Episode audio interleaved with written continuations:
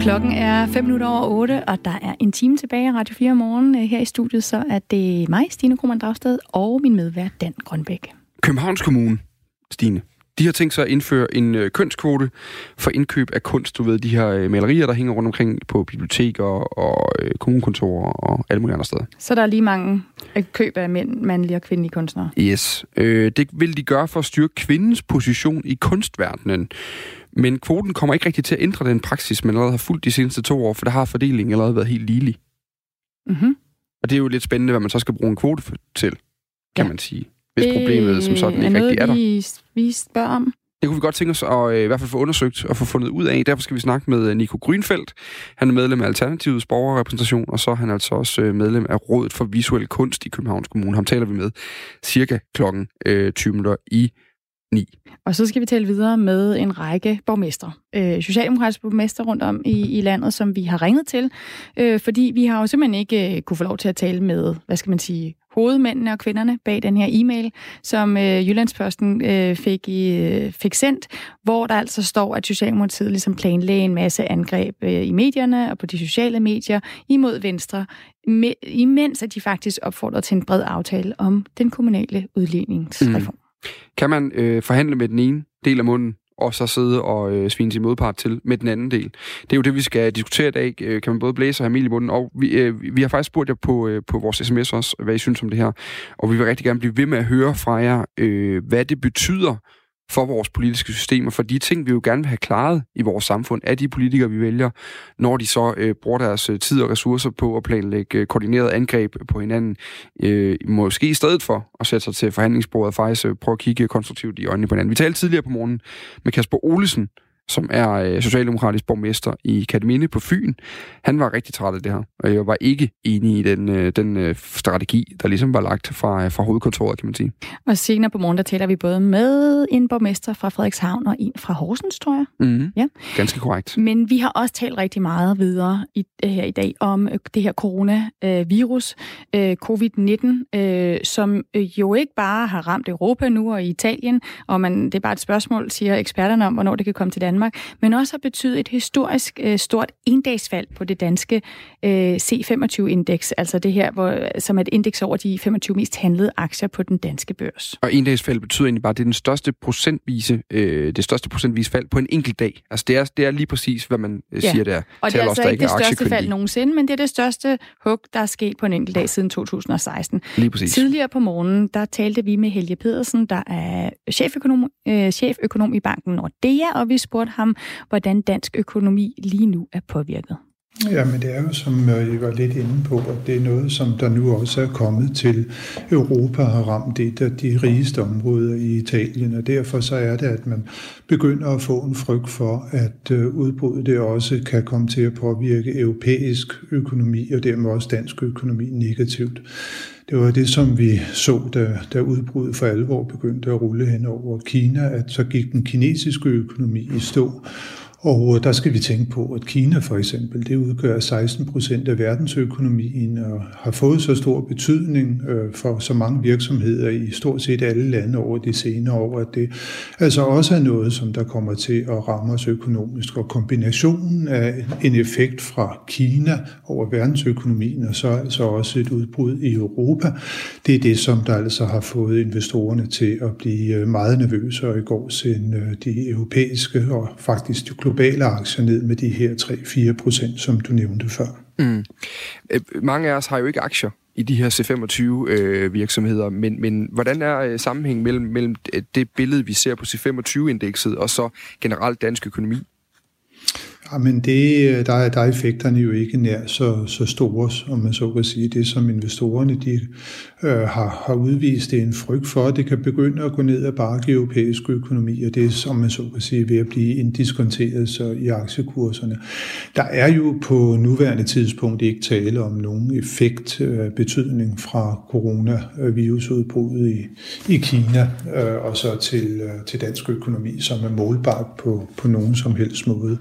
Men altså det, som der som sagt er frygten, det er, at der kommer en større økonomisk nedtur, og den så også kommer til at ramme os. Altså for eksempel, at øh, Danmarks eksport til andre lande kommer til at gå i stå, fordi at der er øh, tale om, at den vækst, som der ellers skulle have været i de lande, den kommer til at udblive. Så, så det er meget øh, den måde, som det kører på, altså en risiko for, at produktionen falder, og så måske også, at der er nogle øh, arbejdspladser, som der kan blive øh, berørt. Der er i hvert fald også virksomheder, som der er eksponeret på de her markeder. Nu nævnte jeg til at starte med, blandt andet inden for transportsektoren, som jo er meget påvirket, øh, hvis det er, at en, en 14 dage eller en måneds produktion lige pludselig falder bort. Det kommer til at påvirke deres indtjening, mm. og dermed også deres overskud betydeligt. Det er også noget, som man altså ser slå ind på, på aktiekurserne. Kan vi, kan vi tilskrive, altså det her, nu siger du, det var et globalt fald, vi så i går, øh, også europæiske økonomier blev, blev ramt af det her, eller europæiske aktiemarkeder. Kan, kan vi tilskrive det hele til øh, coronaviruset? Ja, fordi øh, man må sige, at før det var, at vi så det udbrud, der var der faktisk kommet en rigtig god stemning ind øh, på de finansielle markeder, for den sags skyld også blandt øh, virksomhedsledere på global plan. Vi så noget afmatning i verdensøkonomien i løbet af, af, af sidste år, men, men der havde vi altså set tendens til noget bedring, og så kom så det her udbrud af, af coronavirus, og det er det, der så altså har givet anledning til nogle bekymrede miner igen. Så jeg synes godt, at man kan tilskrive den udvikling, som vi har set her over de seneste øh, uger, øh, dage, det udbrud af denne her nye øh, virus, øh, som, som, som vi har set. Mm. Øh, vi taler altså lige nu med Helge Pedersen, der er cheføkonom i, øh, i Nordea. Vi taler om, øh, om et øh, stort fald, der har været på C25-indekset, altså de øh, 25 mest handlede aktier på det danske børs øh, i går, øh, som altså er sket på grund af, af den her coronavirus, som også er kommet til, til Italien nu, covid-19. Øh, Helge Pedersen, vil vi blive ved med at se de her fald, indtil der er fundet, hvad kan man sige, hvis ikke en vaccine, så i hvert fald en måde at inddæmme øh, viruset på? Det, øh, det, det tvivler jeg egentlig på. Øh, vi så faktisk allerede her hen over natten, at der er nogle af de asiatiske markeder, der begyndte at rette sig lidt, og de kurser, der ligesom øh, signalerer, hvordan der kommer til at være åbninger i Europa, de peger altså på et lille plus. Øh, så, så jeg tror ikke, at vi, vi skal vente, at vi kommer til at se som, som markante fald. Øh, men det kommer helt an på, som du også nævnte, hvornår er det, man får inddæmmet øh, virusen. Øh, det ser ud som om, at det begynder at gå bedre i Kina øh, nu. Antallet af nye registrerede tilfælde øh, er begyndt at aftage ret kraftigt. Så det tyder på, at øh, man er ved at få inddæmmet øh, virusen i Kina, og der er også meldinger om, at der er begyndt at komme noget stigende produktion derovre fra allerede nu. Altså folk bliver, bliver sendt på arbejde igen i nogle af de øh, virksomheder og fabrikker, hvor at, øh, der ellers har været lukket ned. Mm. Så det bliver helt afgørende øh, over de kommende dage at se, om denne her udvikling, som vi så i Italien hen over weekenden, om den kommer til at fortsætte, for eksempel i Italien, eller om den kommer til at sprede sig til øh, andre europæiske lande, og med tilsvarende hastighed, som vi så det i Italien. For hvis det kommer til at ske, så er jeg ret overbevist om, at den nervøsitet, som vi har på markederne lige for tiden, den kommer så til at fortsætte. Men som sagt, så øh, hen over øh, natten, der er der altså noget, der tyder på i hvert fald, at det ikke kommer til at gentage sig i dag. Så ja. Bare lige som en, øh, en afsluttende bemærkning her, øh, lidt, lidt kort, Helge Pedersen. Er der øh, noget i det her øh, lige nu, som en, øh, en gennemsnitlig dansk familie vil kunne mærke?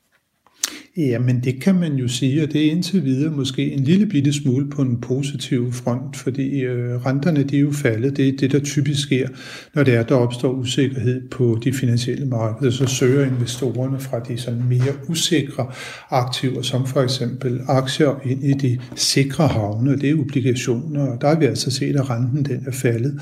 Og så kan vi jo også konstatere, at øh, olieprisen den er faldet, og det har noget at gøre med, at Kina er verdens største importør af råvarer. Så når kinesisk økonomi går ned i tempo, så falder olieprisen, og det har altså også sat sig i lavere benzinpriser. Der kan man sige, at det er i hvert fald nogle forhold, som under alle omstændigheder vil være med til at stabilisere den økonomiske udvikling.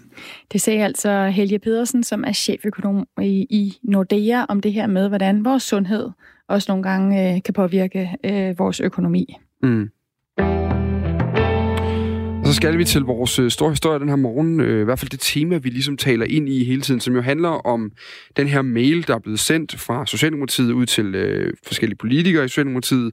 Øh, man involverede nogle særlige rådgiver, blandt andet finansminister Nikolaj Vammen, særlige rådgiver Mathias Sækker, skulle alt sammen være med i sådan en koordineret indsats, hvor man på baggrund af nogle forhandlinger, der lige nu foregår om udligningsreformen, skulle lave nogle koordinerede angreb på Venstre, som man sidder og forhandler med om udligningsreformen. Og alle de politikere, der blev nævnt i den e-mail, som jo altså er blevet offentliggjort, fordi den ved en fejl blev sendt til Jyllandsposten, har vi ringet til. Mm. Vi ringede til dem i går morges, vi ringede til dem i går eftermiddags, vi skrev til dem i går aftes, og vi har fået nej øh, til at medvirke. Vi har den her meget korte kommentar, hvor Nikolaj Vammen han øh, beklager, og vi det vi jo blandt andet gerne ville hørt om, Dan, det var, hvad beklager han?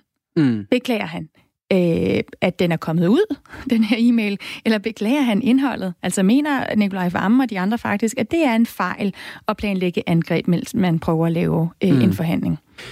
Og vi kan sige, at dem vi har prøvet at få fat i her til morgen, det er finansordfører, eller i går, det er finansordfører Christian Rabia Madsen, politisk ordfører Jesper Petersen, formand for Skatteudvalget Bjørn Brandenborg, klimaordfører Anne Paulin og undervisningsordfører Kasper Sand. Og vi skal lige huske at sige, hvis I øh, har fået mod på at tage telefonen og snakke med os, så ring lige til os, eller send os en sms på 1424, skriver jeg 4 først, så vil vi mægtig gerne øh, tale mere. Men øh, til, til gengæld øh, talte vi tidligere på morgen med øh, Socialdemokratiets borgmester i Katamini på Fyn, han hedder Kasper Olesen, og han sagde sådan her se fra min tid, så har man jokket i spinaten, og det må man beklage, men det skal selvfølgelig også være en beklagelse, man mener, ikke bare fordi, at, at det, det, det, det bliver man nødt til at komme med nu. Det skal være noget, man mener, og så skal man forhåbentlig lære af det i fremtiden. Han har dog ikke tænkt sig at kontakte sine partifælder på Christiansborg. Jeg har ikke selv gjort det, men øh, jeg kunne da godt håbe, at der er nogen, der har gjort det. Du må sige, hvis du... Altså, jeg synes, du skal prøve. Og så, hvis du får fat i dem, så vil vi da gerne lige høre ja. ja, det er jeg ikke i tvivl om, I gerne vil. Øh, det, det er ikke sikkert, at de tager telefonen heller, når jeg ringer fra Bonnet. De godt ved, hvad jeg også ringer om. Godmorgen, øh, Birgit S. Hansen. Godmorgen. Du er socialdemokratisk borgmester i Frederikshavn Kommune. Har du tænkt dig at hive fat i dine øh, partifælder på Christiansborg over det her? Det har jeg ikke, men øh, jeg har da tænkt på at jeg vide, om øh, vi borgmester bliver bedt om at sætte os klar til et telefonmøde, hvor at øh, partispidsen, øh, toppen, lige kan fortælle os om, hvad der egentlig er, der foregår. Fordi vi er jo rigtig tæt på borgerne, der sådan spørger os efter, det oplevede jeg da meget i går, øh, hvad sker der egentlig? Hvad laver de? Og så kunne det jo være, at det går den anden vej. Mm. Hvad, hvad tænkte du, da du hørte om den her mail og den her koordinerede angrebsindsats mod Venstre? Jeg er jo selv politiker, øh, ikke på det niveau som vores landspolitikere, der skal lave en udligningsreform eller en udligningsmodel. Men jeg tænkte, det er ærgerligt, at øh, alt det her spin og beskidte tricks øh, kommer til at sejle ind over et øh, emne, som er rigtig, rigtig vigtigt, nemlig at man får lavet en øh, ny udligningsmodel i Danmark. Mm. Omvendt, så skal man også øh, lade være at spille alt for farve og indineret fra oppositionen, fordi som politikken også skriver i dag, det er jo ikke øh, noget nyt i, at partier de forsøger at udstille sine modstandere eller lave strategier for, hvordan øh, man nu skal navigere i en proces. Så jeg tror, en, en skarp journalist vil også kunne finde eksempler, hvor oppositionen har gjort det. Så jeg tror, man skal lade være at være alt for farve. Til gengæld, så skal man også, øh, så er det godt, at Nikolaj Vammen har været ude. Jeg oplever det som at være ude og sige undskyld, og øh, skal vi ikke se at komme videre. Og så tænker jeg også, at Venstre skal lade være at spille så indineret, for de er sådan set vant til det her Christiansborg spind med knive i ryggen og hvad der ellers foregår. Mm. Men, og, og det er jo fuldstændig ret i, at der er også en, der har skrevet ind til os her til morgen. Øh, alle partier koordinerer deres indsats, og Socialdemokratiets mail er bare øh, som trænerens plan for den næste kamp. Det har ingen indflydelse på, hvad der skal forhandles, men det bliver i dette tilfælde snakket op, især dem, der ikke kan lide indholdet, og dem, der er lidt blå i kanten. Og der er også en anden, der minder os om, at øh, pressen var bedøvende ligeglad, da Venstre i 2014 gjorde det samme. Det var med den her angrebsmanual. Det ved jeg nu ikke, om pressen var. Jeg synes også, der blev snakket meget om det dengang. Men, men generelt, den her øh, proces, hvor man bruger tid på strategier, til at angribe modstanderen i, en, i et øh, relativt øh, kompliceret forhandlingsforløb. Er det en god idé? Ja, det har jeg svært ved at udtale mig om. Jeg, og jeg, jeg tror da bare, at der er ikke noget, der slår virkeligheden, og virkeligheden her er, nej, det var da vist ikke en god idé. Og man kan så også sige, at det var da slet ikke uh, godt, at det kom ud, for der bliver der et uh, oprydningsarbejde også i forhold til tilliden til Venstre, som rigtig gerne skal tage ansvar her. Det skal de to store borgmesterpartier, nemlig Socialdemokratiet og Venstre. Og det er jo der, hvor jeg som borgmester i Kommune Danmark er rigtig ærgerlig over, at, uh, at der går tid med det her, og at det skal fylde så meget, fordi det er et meget vigtigt emne for hele Danmark, og det er måske også derfor, det er så svært, at de snubler lidt over øh, fødderne, eller hinanden, eller egne fødder, fordi det er så vanskeligt. Hvorfor er det så vanskeligt? Det er fordi, der sidder et helt land og kigger på, hvordan pengene bliver fordelt i forhold til den service, vi kan give til borgerne i hele Danmark. Så derfor, det ved både Venstre og Socialdemokratiet, det her det er rigtig svært. Måske en af de sværeste opgaver, de får. Men ikke desto mindre, så er den jo dybt alvorlig. Og det er så ærgerligt, at der er gået så meget spænd og snubletråde og indignation i det, at øh, vi nu sidder sådan lidt øh, måbende tilbage og så siger, hvornår finder I ind omkring forhandlingsbordet igen? Fordi det her, det er en meget, meget vigtig sag for Kommune Danmark. Altså, øh, jeg skal lige forstå Birgit S. Hansen, som altså er socialdemokratisk borgmester i Frederikshavn, og som vi altså har ringet til om den her e-mail, der er kommet ud om et koordineret angreb. Jeg kan ikke helt forstå, at du siger, at du er glad for, at Niels Vamme er gået ud og har beklaget. Mm. Er du, en, er du undskyld Nikolaj Varmen, er du øh, glad for, at han har beklaget, at, at du siger også, at det er ærgerligt, at den er kommet ud. Er du, en, er du ked af indholdet i det her, eller er du i virkeligheden mest ked af, at det er kommet ud?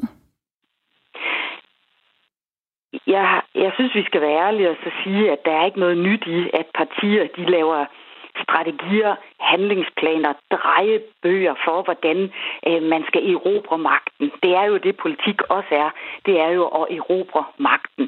Og det kan nogle gange være øh, nogle beskidte tricks, der skal bruges i det. Og der, der er det, jeg mener, at der er nogen, der spiller vældig indineret eller forarvet eller rystet. Især nogle af de politikere, der selv er en del af det spil. Både på den ene og på den anden side. Og det, det synes jeg godt som politiker, jeg kan tillade mig at sige, lad nu være. Altså, det er jo en del af spillet. Øh, Birgit Hansen, jeg skal bare lige forstå, ja, det er en del af spillet, siger du, vi ved, at det er foregået under valgkampe før. Nu sidder vi altså med, som du selv siger, en ekstremt kompliceret udligningsreform, som er rigtig svær, og som de her to partier prøver at indgå for lige om. Synes ja. du, det er en god idé, så længe det ikke kommer ud til pressen, at man laver sådan en angrebsmanual? Jeg synes, det er en god idé, at man laver strategier synes jeg, det her det er, øh, virker som om, at det var vældig elegant øh, udført, og indholdet er vældig elegant. Så er svaret nej, og det er vel også derfor, at Nikolaj Vammen han er ude og beklage. Og jeg læser det som om, at han beklager øh, det her, at det, det var nok ikke smart gjort, både indhold og måden, det er blevet udført på. Og, og det, det håber jeg da også, at på et tidspunkt, for det er jo også en, en strategi, jeg selv bruger, hvis man har dummet sig, så er der ikke noget bedre end at skynde sig ud og så sige, hold da op, det er jeg godt ked af, at øh, det kommer til at virke sådan her. Og det, det går heller ikke noget af en politiker at så sige undskyld. Og øh, kan vi øh, få oparbejdet en tillid igen? Fordi det, man er sat i verden for, det er jo en, der skaber resultater for, for borgerne mm. og for Danmark. Så hvis du vækker mig i nat og så siger, synes du, det var øh, smart indhold, der var i den mail? Nej. Synes du, det er godt, at de har været ude og sige undskyld? Ja. Lige til allersidst, Birgit Hansen, det er bare lige for en uh, kort note her til sidst. Når vi jeg husker det op for Frederikshavn, så sidder du øh, nærmest på halvdelen af stemmerne selv deroppe. Men, uh, men, men hvis du nu sad i et, uh, sådan et forhandlingsøje med og finder ud af, at en af dine uh, politiske modstandere i byrådet i Frederikshavn har siddet derude på forhånd og lavet en strategi for, hvordan vedkommende vil angribe dig på sociale medier, på baggrund af det, I sidder og forhandler om. Hvad vil det så gøre for din forhandlingsvilje? Så vil det selvfølgelig betyde, at, øh, at der sker et øh, knæk i forhold til tilliden, og det er jo også det, vi oplever, øh, og som Venstre går ud og siger, det kan jeg sagtens forstå. Og så vil vi tage et ordentligt skrald i, øh, i, i forhandlingslokalet, og så sige, at øh, er vi lige enige om, at vi slukker telefonerne, og det, der bliver sagt herinde, det bliver herinde, og når vi går ud, så er vi enige om, hvad vi siger. Så, så man kan godt aftale nogle præmisser og nogle, kan man sige, ja, nogle aftaler om, hvordan øh, opfører vi os før, under og efter. Og det kan da godt være, at Socialdemokratiet her øh, skal spørge Venstre, skal vi gøre det her? Og så håber jeg også, at Venstre øh, de øh, er villige til, fordi nu, nu skal de også øh, tage ansvar for det her. Og, og, og når deres indignation og forarvelse over det her falde lidt ned, så håber jeg så, at de også kan tage imod en beklagelse, og så sætte sig ned og så lave nogle ordentlige aftaler for et godt forhandlingsklima. For det her, det er jo Christiansborg i værste forstand, og det er jo der, hvor vi borgere og kommunalpolitikere sidder måbende tilbage og så siger, hold nu op med det der. Gå nu ind og tag ansvar for det, som er så hammer vigtigt. Og har man dummet sig, så må man gå ud og stå på ølkassen og så sige undskyld, og så må man se at komme ind omkring bordet igen.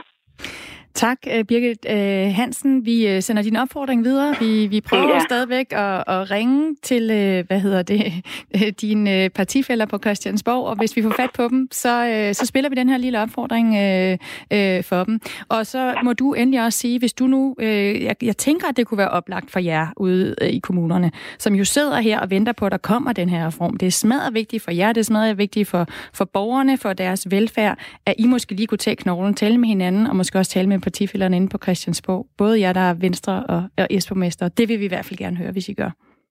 God arbejdsløst til, til jer også. tak. Og øh, så skal vi øh, en tur til USA i igen, fordi vi var lidt tiden på det tidligere i morges øh, her i øh, Radio 4 morgen, men i går der faldt der jo altså dom i den her sag, øh, der har været mod øh, den her øh, meget, meget kendte filmproducer øh, Harvey Weinstein. En sag, vi har hørt rigtig meget om igennem flere år. Vi kan lige rise punkterne op. Altså, punkt 1, øh, det var, at han var øh, øh, øh, øh på, hvad kan man sige, anklagebænken for seksuelle, øh, serielle overgreb. Der blev han kendt ikke skyldig. Så var der punkt 2, det var kriminelle seksuelle krænkelser mod en kvinde, der hedder Miriam Haley. Der blev han kendt skyldig ikke skyldig i øh, seksuelle serielle overgreb øh, mod hende også, og så er han blevet kendt skyldig i tredje grads øh, voldtægt, som det kaldes. Den prisbelønnede filmproducer Harvey Weinstein, han blev altså fundet skyldig i to ud af fem anklagepunkter ved en domstol i New York. Og Dan, det du lige siger der med, at han ikke blev kendt skyldig i de serielle, øh, seksuelle serielle overgreb er ret vigtigt, fordi det havde altså kunne give op til livstid i fængsel. Nu er det sådan, at vi ved jo ikke meget, hvad for en straf han får endnu. Det mm. bliver være omkring den 11. marts, at den straffudmåling kommer. Nu er det sådan, at, øh, at han kan få mellem 5 og 25 år. Øh, lad os lige høre, hvad anklager i sagen øh, øh, Cyrus Vance Jr. han sagde dage efter der var afsagt dom. This is the new landscape for survivors of sexual assault in America, I believe, and this is a new day. Ja, det her det er et nyt landskab, og det er en ny dag. Og det vil vi jo gerne høre øh, fra dig, øh, Birgitte Borup, som øh, har fulgt det her som er redaktør for International Kultur på Berlingske. Er det her en ny dag for øh, MeToo-bevægelsen. Det har jo den her, hele den her retssag er blevet set som et knald eller en fald for den MeToo-bevægelse, som anklagerne mod Harvey Weinstein satte i gang. Ja, godmorgen. Godmorgen. Man må sige, at det er et, øh, en øh, knald- eller faldretssag, og man må også sige, at selvom Harvey Weinstein ikke er blevet dømt for de hårdeste paragrafer, så er det her en monumental sejr for den bevægelse, som øh, han jo indirekte selv var med til at sætte i gang i 2017. Det var anklagerne mod ham, der øh, startede hele bevægelsen, der fik det her hashtag MeToo til at gå i rundhyl på de sociale medier, øh, og, og dermed var det sagen mod ham, der i høj grad var med til at skabe den her bevidstgørelse omkring seksuelle krænkelser af kvinder.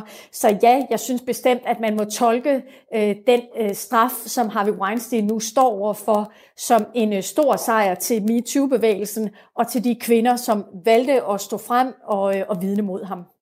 Altså Harvey Weinstein, han blev jo efter dommen kørt væk i en ambulance. Øhm, til de øh, retsmøder, der har været i sagen, der har han også støttet sig op i en rollator. Er han øh, reelt syg? Ved vi noget om det? Er det spil for galleriet? Øh, nej, ja, det, det har jeg ikke nogen grund til at tro, at det er. Han, øh, vi ved, at han har gennemgået en øh, operation øh, her, mens øh, sagen mod ham har kørt, og det, det er den rygoperation, der har gjort, at han har gået med gangstativ. Øh, så der, jeg tror ikke, der er jo mange, der har diskuteret, om det her det kunne være noget, han har gjort for at få ynk, altså om det har været sådan et, et slags øh, trick for at, at slippe billigere. Det er der ikke nogen grund til at tro. Øh, I går, dengang dommen øh, faldt, der blev han omgående lagt i håndjern, og dommeren beordrede ham fængslet, fuldstændig som det er kutume i sager, hvor øh, folk bliver dømt skyldige i paragrafer, som man ved vil give en fængselsstraf øh, i et eller andet antal år. Men det, der så sker efterfølgende, det er, at han har fået ondt i brystet, og han er altså i stedet for at blive kørt til øh, Rikers Island, som er det fængsel, hvor han skulle have været øh, varetægtsfængslet, så er han blevet kørt på hospitalet. Vi ved, øh, at hans helbred er skrantet ganske alvorligt øh, her i løbet af retssagen. Han er en ældre herre på, øh, på 67 år, så det er formentlig måske de psykiske strabasser, han har gennemlevet her under retssagen, som på en eller anden måde nu har fået afsmitning, også på hans fysiske helbred.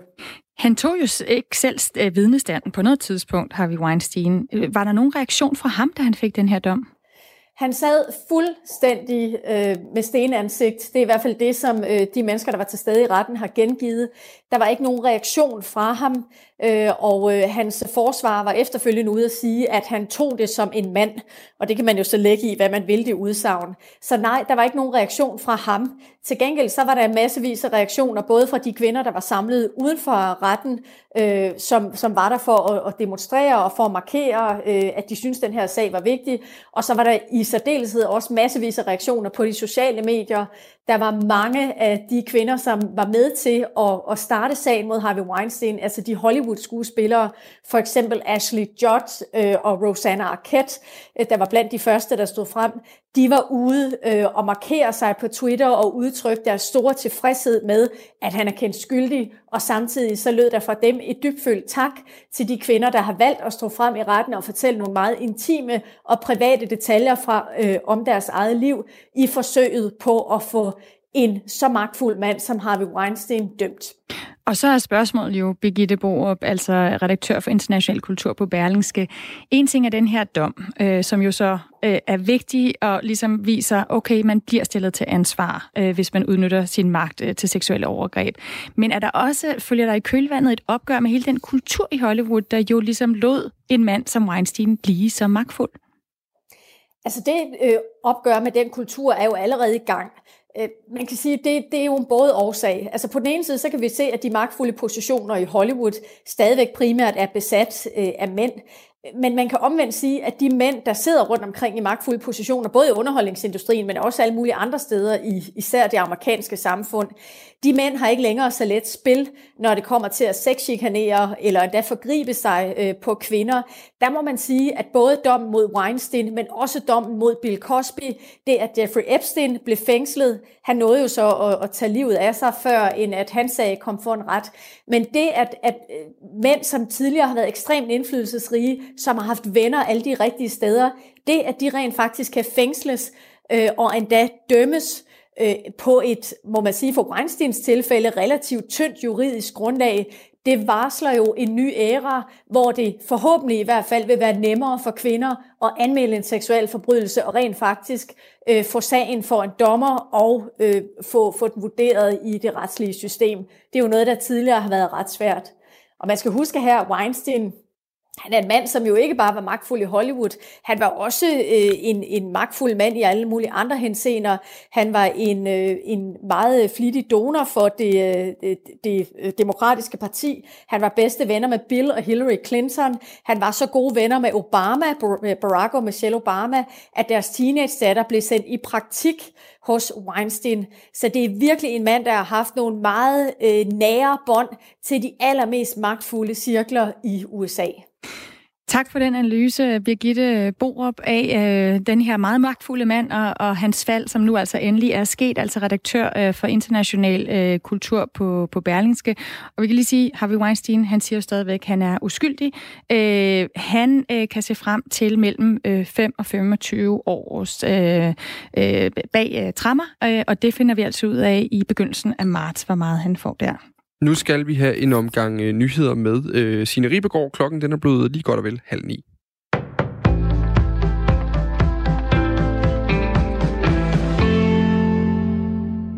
Cirka en tredjedel af de offentlige anklager i Danmark møder indimellem uforberedte op i retten. Det viser en ny undersøgelse blandt 508 jurister i anklagemyndigheden, som analyse- og rådgivningsvirksomheden Opinion har foretaget for Rigsadvokaten, det skriver Berlingske. I undersøgelsen svarer 36 procent af de medvirkende, at de sommetider eller ofte er mødt uforberedt i retten. 7 procent af de adspurgte svarer, at det sker ofte.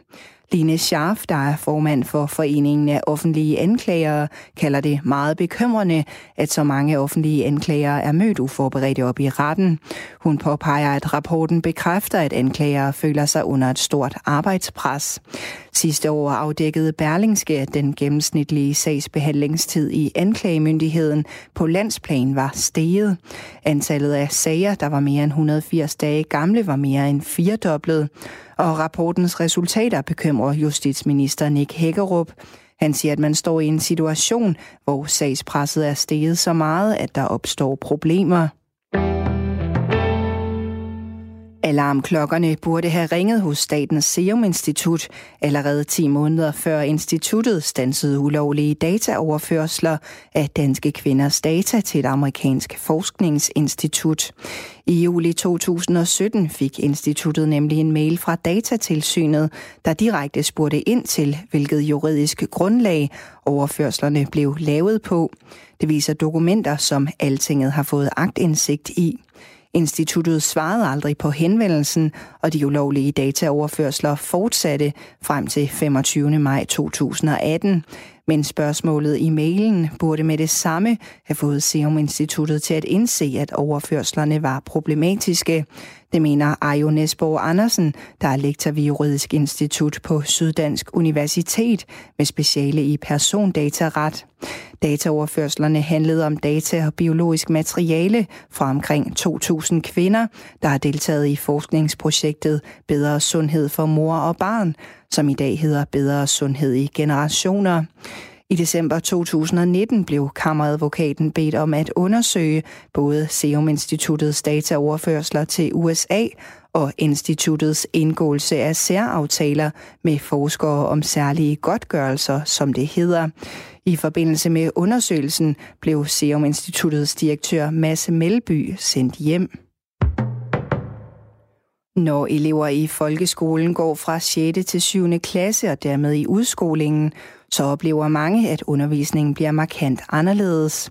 Matematiske beregninger bliver ikke lavet nede ved lyskrydset eller på go-kartbanen, og engelsk kommer ikke under huden ved at følge engelske medopskrifter i skolekøkkenet.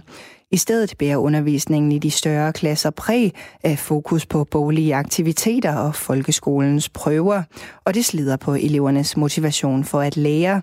Det viser en ny undersøgelse fra Danmarks Evalueringsinstitut EVA, skriver Politikken. Eleverne fortæller, at det er en meget stillesiddende undervisning med næsen rettet mod bøgerne og computerskærmen, hvor de læser tekster og løser opgaver, fortæller Mia Lange, der er chefkonsulent i EVAs grundskoleenhed.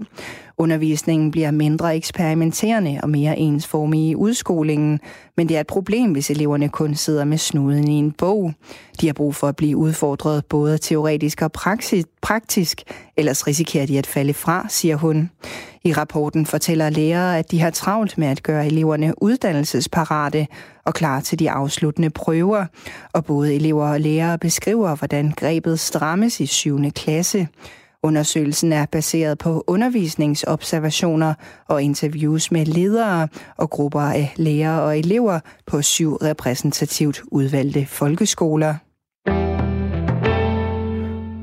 Og et kig på vejret. Det bliver mest skyet med en del byer, som lokalt kan være med havl eller slud, men der kommer også en smule sol. Temperaturerne ligger sig mellem 3 og 6 grader, og vinden bliver fra frisk til kuling fra sydvest og vest. Ved kysterne stedvis hård eller lokalt stormende kuling.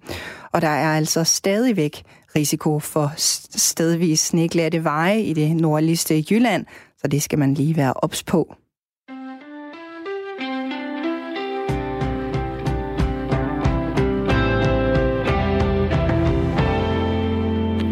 Godmorgen, du lytter til Radio 4 Morgen med øh, Stine Krummer Dragsted og med øh, Dan Grønbæk. Stine, har du nogensinde tænkt over, hvilket køn, der har lavet den øh, kunst, som hænger på biblioteket? Nej. Nej. Hvad har du så tænkt over, når du ser på den kunst, der hænger på biblioteket? Jeg ved ikke, hvor meget kunst jeg har kigget på på biblioteket. Øh, jeg har tænkt over det der med, køn, med kunst og køn, når jeg har været til nogle bestemte udsend, altså udstillinger, der handler om, om... Altså, jeg har været til en udstilling i, i London, hvor det kun var kvindelige kunstnere, der udstillede. Så tænkte du over det? Ja, det tænkte jeg over, for det var ligesom det, det handlede om. og jeg vil også sige, at den var meget... Øh, øh, jeg var der med min datter, som dengang var 16. Der var nogle ting, som var ret, egentlig ret voldsomme, øh, som jeg ikke tror, mandlige kunstnere ville have lavet. Det er, et, øh, det er jo et spændende. Altså seksuel karakter og så videre, men ja, det var interessant. Vi så, fik en så kvindelige kunstnere er mere seksuelt orienterede? End, mm, øh... Ikke på den måde seksuelt, men der var nogle ting om kvindekroppen, som vi, vi fik en rundvisning, og der var simpelthen nogle mænd, der følte sig stødt, blandt andet om ja, sådan noget med menstruation og så videre. Det var, det Nå, var interessant, ja. Modtaget. Nå, men vi kan i hvert fald stille spørgsmålet ud af også. Altså, har du nogensinde ude bag højtaleren tænkt over, hvilket køn, der egentlig har lavet den kunst, som hænger nede på biblioteket eller kommunekontoren, når du er på besøg der? Det har du måske ikke, men ikke desto mindre, så vil Københavns Kommune indføre kønskvoter på indkøb af kunst til øh, kommunen. Det vil man gøre for at styrke lige ligestilling i kunstbranchen. En af dem, der var med til at tage den her beslutning, det er dig, Nico Grünfeldt. Godmorgen. Godmorgen. Du er tidligere kulturborgmester i København, og i dag er du medlem af borgerrepræsentationen samme sted og medlem af Rådet for Visuel Kunst, som er øh, dem, der har besluttet at indføre kønskvoter på, på indkøb af kunst til, til kommunen. Til at starte med, hvorfor er det, man i Københavns Kommune øh, ikke bare kan få lov til at vælge præcis den kunst, man synes er smukkest, og så ikke øh, nødvendigvis kigge på kønnet? Jamen, i Københavns Kommune har vi købt kunst ind i mere end 100 år. Vi har omkring 4500 forskellige værker, og de sidste øh, to til fire år, der har Rådet for Visuel Kunst hæftigt diskuteret, øh, hvilke principper man køber kunst øh, ind efter. Og en af de ting, vi har diskuteret, det er selvfølgelig ligestilling mellem mænd og kvinder. Øh, og det har vi primært, fordi vi også sidste år kunne se, at øh, en stor undersøgelse internationalt viste, at kun 2% af de værker, der blev solgt øh, på de forskellige kunstaktioner rundt omkring i verden, det var skabt af kvinder. Det vil sige, for hver eneste gang man solgte 100 værker, så var der kun to af dem, som var skabt af en kvinde. Og det synes vi er problematisk, og derfor har vi nu også indført øh, det her ekstra princip, som er også er radikalt, og som rådet ikke nødvendigvis ideologisk øh, synes er det fedeste redskab, men som vi synes er nødvendigt at, at trække op af hatten nu. Hvad er det, I ikke synes er det fedeste ved det her? Kan du lige forklare den, den tvivl, der har været? Nå, men vi har selvfølgelig også, ligesom resten, tror jeg, af samfundet, ligesom sagt, okay, skal det her være et redskab, vi skal bruge? Vi har haft diskussioner og debatten øh, igennem årtier. Øh, vi har diskuteret det internt i kunstbranchen, man har også diskuteret det i andre dele af samfundet, hvor der også er udfordringer øh, strukturelt på ligestillingsområdet. Og i den optimale verden, der tyder vi jo ikke til det her øh, greb. Der kunne det her ordne sig selv, og det kunne få en mere balanceret tilgang, fordi verden består af kvinder og mænd. Det er det også i København, og derfor ønsker vi også, at samlingen skal repræsentere både kvinder og mænd. Og det er ligesom det første skridt for at sikre en, en mangfoldighed. Mm. Og vi øh, håbede selvfølgelig, at det bare kunne løse sig selv, men det kan vi se hverken internationalt eller nationalt, at det kommer ikke til at ske, hvis vi ikke tager nogle mere sådan kraftige redskaber i brug, og det har vi så valgt at gøre her for en periode. Men hvordan er altså fordelingen i dag? Det er jo, Berlingske har også skrevet en historie om lige præcis det, de skriver, ifølge Rådet for Visuel Kunst, at der blevet erhvervet 109 værker til 2,35 millioner kroner af mandlige kunstnere, og 81 værker til 2 millioner kroner af kvindelige kunstnere. Nu taler du selv om, at problemet løser ikke sig selv. At, at det her det er vel så godt som tilnærmelsesvis i hvert fald tale om ligestilling på området. Har problemet ikke netop løst sig selv?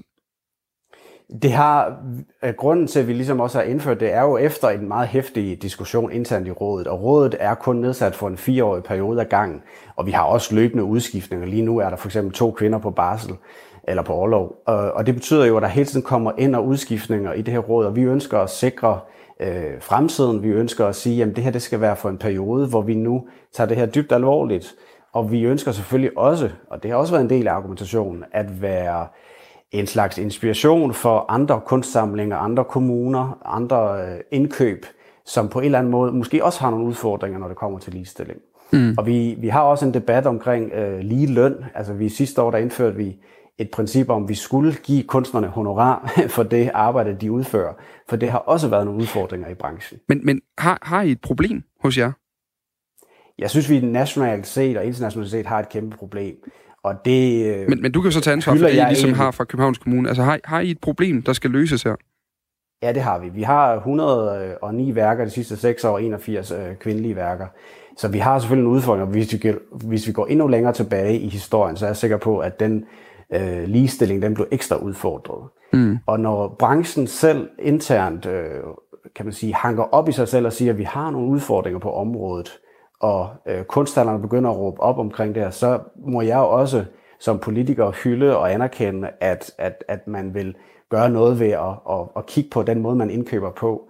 Og øh, da det var et enstemmigt råd med opbakning fra Socialdemokratiet og Enhedslisten, som også sidder i rådet, og fem kunstfaglige personer, jamen så kunne jeg kun bakke op omkring det.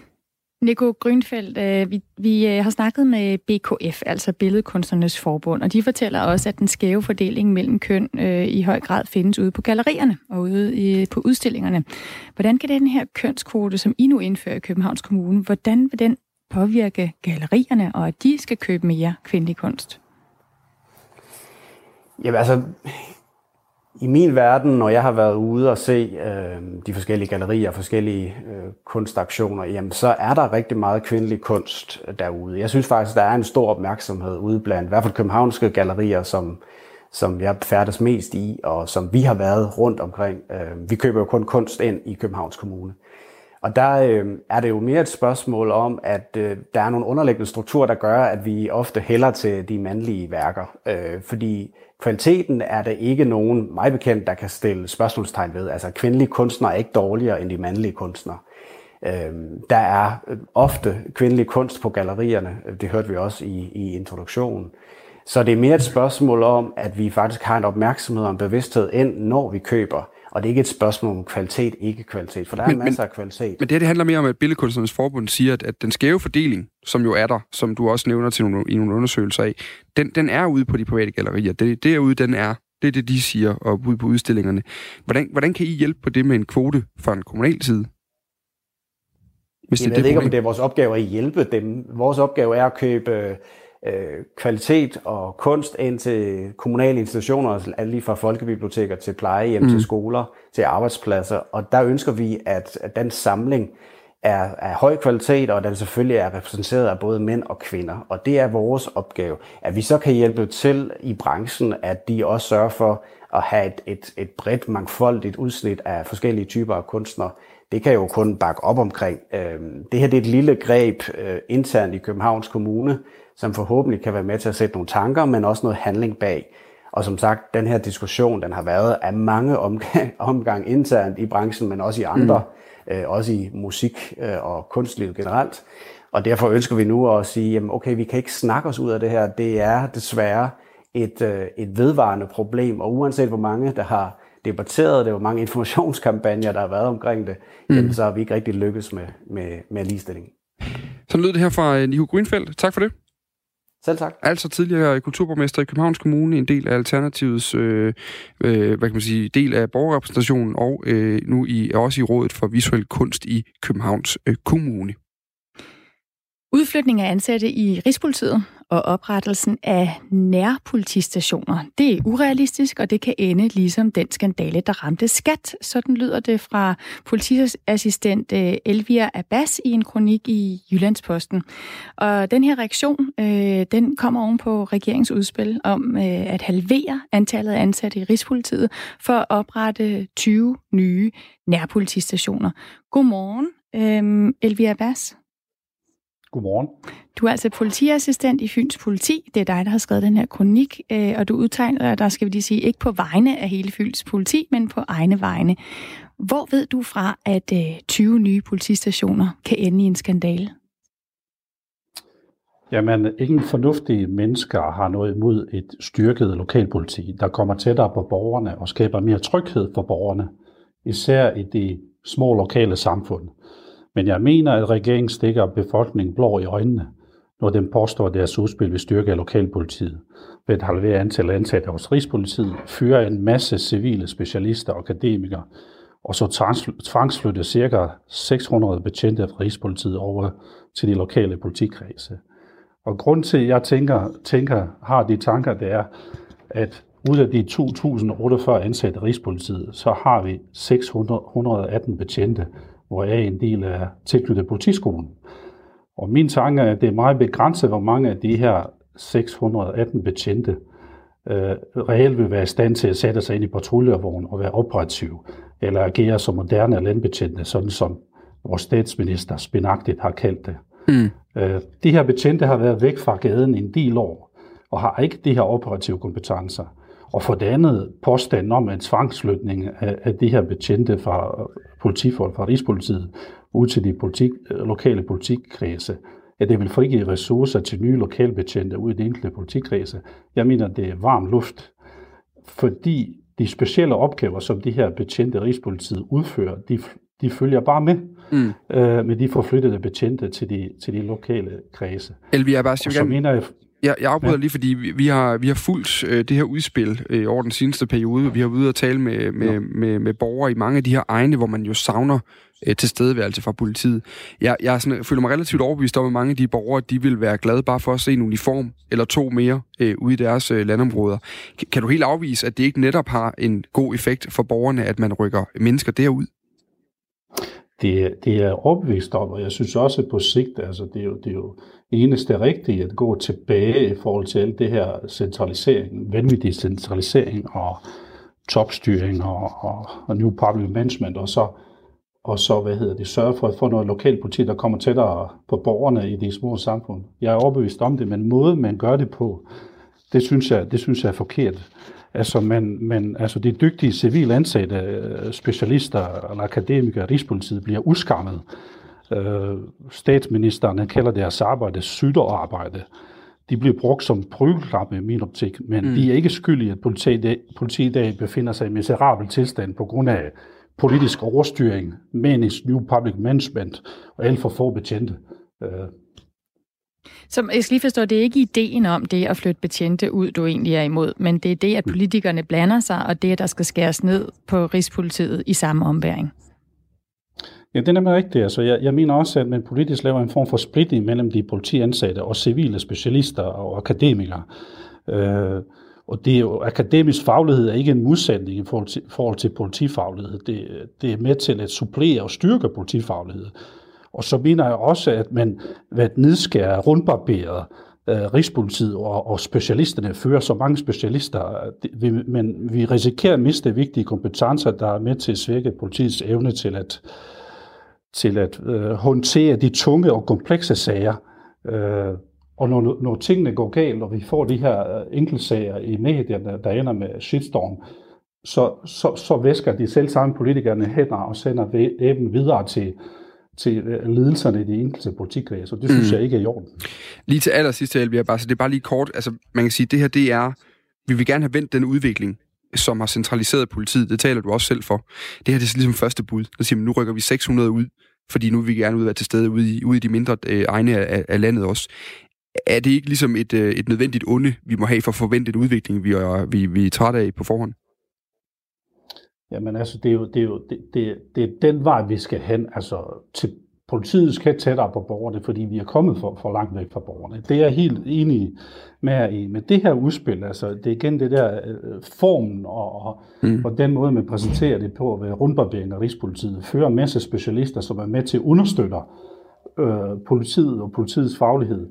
Øh, altså, jeg kan, ikke, jeg kan ikke se det fornuftigt. Det minder mig lidt om, om det, som tidligere regering med, med Søren P- justitsministeren Søren Pape altså, forsøgte i, i 2018 med lancering af nærhed og tryghed udspillet, hvor, hvor han også iværksatte 14 konkrete initiativer, der skulle styrke politiets synlighed og, og tryghedsskabende arbejde i hele Danmark. Mm. Blandt andet med, med, med, hvor, han, hvor han lovede 150 lokale betjente og indførte øh, mobilpolitistationer og, og, og så videre. Men der er ikke nogen i det lokale, i hvert fald her på Fyn, har jeg ikke set en eneste øh, øh, ekstra lokalbetjent. Tværtimod er man gået den anden vej. Altså, mm.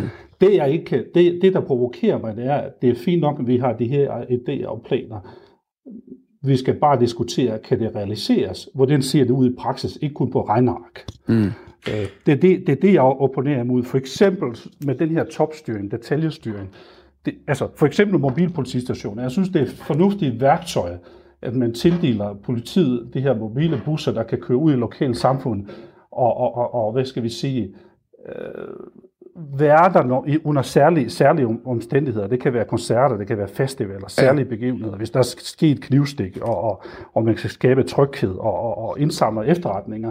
Men det, det er tåbeligt, når man fra politisk hold går hen og bestemmer, i detaljer, at man for eksempel skal ud og trailer med de her mobilbusser hver anden dag. Ja. Altså det er kontraproduktivt. Det er, ja, undskyld. Jamen ved du, det er helt i orden, Elvia. Altså, man skal, man skal sørge for at tale, når man har taletiden om noget, man, man, man mener noget øh, kraftigt om. Men øh, ved du, at vi vil vende tilbage på den tidspunkt. Det er helt sikkert ikke sidste gang, vi har haft med det her udspil at gøre. Tusind tak, fordi du lige ville øh, give dit besøg med. Det var så lidt, og god dag til Og i lige måde, altså politiassistent hos Fyns Politi, Elvia Bas, som her var øh, med i radioen. Så skal vi til det igen. Ja, vi er ved at skulle lukke butikken øh, for i dag her i, øh, i radioprogrammet, øh, Stine, men vi skal jo lige, vi kan lige så godt runde af med det, vi har brugt det meste af vores morgen på, og det er jo snak om øh, politisk kævl, ganske enkelt. Ja. Vi vil gerne snakke om politisk kævl. Nej, det er jo ikke derfor. Det, det, det taler vi jo om, fordi vi har haft to historier, der ligesom har handlet om det her med politikere, politikere, der enten ikke kunne samarbejde, som i Randers Byråd, eller politikere, der siger, de er ved at samarbejde, men så faktisk på de indre linjer mm. øh, planlægger angreb på hinanden. Det er den her e-mail, der er kommet øh, Jyllandsposten i hende fra Socialdemokratiet om, at man faktisk havde planlagt angreb lige netop, så man var i gang med de her ekstremt komplicerede forhandlinger om udligningsreformen. Ja, og det skulle jo gerne have handlet om økonomi. Økonomi, som altså er altafgørende for øh, god velfærd øh, ude i de danske kommuner. Men i stedet så kommer det nu her til at handle om den her koordinerede indsats øh, mod venstre på sociale medier. Vi vil rigtig gerne have snakket med øh, nogle af de socialdemokrater fra øh, Folketinget, som har været med i det her. Socialdemokratiets finansordfører Christian Rabia Madsen, han vil ikke sige noget. Politisk ordfører for Socialdemokratiet Jesper Petersen, han vil ikke sige noget. Formand for Skatteudvalget Bjørn Brandenborg, han vil heller ikke sige noget. Klimaordfører Anne Paulin vil heller ikke sige noget. Og undervisningsordfører Kasper Sand slutter femkløveret af øh, og vil heller ikke øh, sige noget. Så der var ikke meget hent der. Der var stillhed. Øhm, og derfor så har vi øh, brugt morgenen på at ringe til det, man kan sige er ryggraden i i det sociale, øh, Socialdemokratiet, altså øh, borgmestrene, fordi det er jo for Søren, der er dem, som det her handler om. Altså, det er jo en udligningsreform, der afgør, hvordan kommunernes økonomi, hvilken velfærd vi som borgere har ude i kommunerne. Mm. Og der er jo så et par stykker, øh, som er ret øh, irriteret over, at det her fnider, og den her e-mail ligesom har taget øh, hele opmærksomheden om en meget vigtig øh, forhandlingssituation. Vi talte blandt andet med S-borgmester i Kataminde, Kasper Olsen. Han sagde sådan her. Vi skal lige se, om jeg kan få den på. Den kommer der. Lige et øjeblik. Og han kommer her. Se, fra min tid, så har man jokket i spinaten, og det må man beklage, men det skal selvfølgelig også være en beklagelse, man mener, ikke bare fordi, at, at det, det, det, det bliver man nødt til at komme med nu. Det skal være noget, man mener, og så skal man forhåbentlig lære af det i fremtiden. Goddag til dig, Peter Sørensen. Goddag. Socialdemokratisk borgmester i uh, Horsens. Hvordan uh, havde du det, da du så den her uh, mail, der var blevet sendt ud internt i Socialdemokratiet? Jamen, jeg ved ikke, hvordan jeg havde det. Jeg, jeg var overrasket over, at der kom en øh, mail, og jeg var på alle måder overrasket. Øh, jeg tænker, øh, det er sådan en mail, hvis man øh, har lavet sådan en mail, og det blev offentliggjort øh, på den måde midt i de her forhandlinger, det på en eller anden måde, øh, det gav bare ikke sådan rigtig mening. Men når man så kigger i historiebøgerne og avisspalterne øh, de sidste 10 år tilbage, så er, det, så er det jo ikke første gang politisk partier øh, på den måde øh, har nogle politiske strategier. Men, men jeg, var, jeg var selvfølgelig overrasket, og jeg synes, det var meget træls for at sige det som det er. Peter Sørensen, så må jeg også lige spørge dig, for nu siger du, at det kan ikke mening, at det blev offentliggjort. Er du utilfreds med offentliggørelsen, eller er du utilfreds med det indhold, der var? Altså det, at man sad og planlagde et angreb, imens man er i gang med at forhandle? Jeg synes, at det giver jo ikke mening, når man sætter og forhandler, at man sætter også samtidig har strategier bagved, om det er partiorganisation eller andet. Det, det, det, det, det synes jeg også, jeg noterede mig. Vores finansminister i går sagde, at det giver ikke mening. Det, det, det skaber jo ikke en god ramme. Det, altså, det, altså, for pokker, øh, altså, det, her, det er jo en vigtig sag for alle, øh, og øh, hvis man skal kunne lave nogle resultater, så, så giver det jo ikke mening, at man sætter har sådan en strategi. Men altså, øh, når jeg så kigger i historiebøgerne, så er det jo hverken første, øh, og, og, for, og måske heller ikke sidste gang, men forhåbentlig så giver det jo da eftertanke for, for alle. Mm. Og lad os, lad os bare gå med på den, fordi det er, det er, du har fuldstændig ret, og det er jo også det, der har været en del efterrationalisering af i, øh, i medierne også her bagefter. Det er, er det egentlig så usædvanligt, at man på den måde koordinerer de her indsatser mod hinanden i, en, øh, i et politisk forhandlingsforløb? Men, men hvis vi tager det som princip, det her med, at man bruger tid på en eller anden form for angrebsstrategi mod sine politiske modstandere. Er det godt for vores... Øh, for vores, øh, vores øh, jamen lad os bare tage for, for en udligningsreform, der, der er ret vigtig for jer ude i kommunerne lige nu. Jamen, jeg vil ellers bare, nu, nu, nu, må, nu må man altså selv komme i arbejdstøjet alle sammen, og så må man jo øh, tage en diskussion om det bagefter. Altså, det, det gælder jo om nu om at komme ind i forhandlingslokalet igen, og så få lavet en uh, udligningsreform, uh, som er til gavn for hele Danmark. Øh, og der er jo masser af diskussioner i selve udligningsreformen, som, som, som man kunne sådan tænke, at der var nok at diskutere. Øh, så, jeg, så jeg tænker, min appel vil være, at man skal komme i arbejdstøjet igen, og øh, jeg noterer mig, at øh, finansministeren i går siger klart og tydeligt, at øh, det er beklageligt, og øh, han ønsker selvfølgelig, at vi så hurtigt som muligt skal kunne finde et tillidsfuldt samarbejde igen. Det synes jeg er det vigtigste signal. Men, men kan du godt forstå, hvis Venstre måske ikke har så meget lyst til at trække i arbejdstøjet lige nu? Jo, altså, så, så, så skal man jo måske kigge på historiebøgerne, og, og måske skal man også kigge på sagen, og så må man jo tage diskussion bagefter. Det er jo, mm. det er jo for kommunen Danmark ret vigtigt, at vi får den her sag landet. Øh, og der er jo masser af knaster i den uh, udligningsreform, uh, som jeg forstår det, uh, man også diskuterer. Så, så jeg tænker, det er jo der, man skal bruge sin energi nu, og, og, og jeg kan kun appellere til, at man kommer i arbejdstøj. Men, men gør det sagen bedre, at der har været tidligere fortilfælde på det her? Altså, nej, vi nej, nej, nej, det er, det, er, det jo ikke det, du hørte mig sige. Nej, øh, du hørte mig ikke sige, at der var nogen fortilfælde, der gør nogen sager bedre. Det, du mm. hører mig sige, det er, at komme nu i arbejdstøjet øh, for landet en udligningsreform, som er til gavn for hele Danmark, som giver mulighed for, at alle kommuner kan levere et, et tilfredsstillende serviceniveau for, for borgerne i Danmark. Det er det, jeg appellerer til. Peter Sørensen, vi er i hvert fald glade for, at du lige vil være med i øh, radioen her til morgen. Hvis ja, du nu tilfældigvis skulle få fat i en af dine kolleger inde på Christiansborg, øh, kan du så ikke gøre os en øh, tjeneste lige at lægge en besked om, vi gerne vil snakke med dem? Ja, hvis jeg skulle få fat i en af mine kolleger på Christiansborg, så ville jeg sige, at de skulle se at komme i gang med at få landet den her aftale.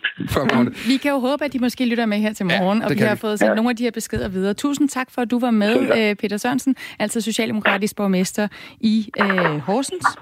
Og øh, med det, så kan vi bare sige øh, tak for i dag fra øh, Stine Krohmann Dragsted og fra Dan Grønbæk. Nu er der nyheder klokken 9.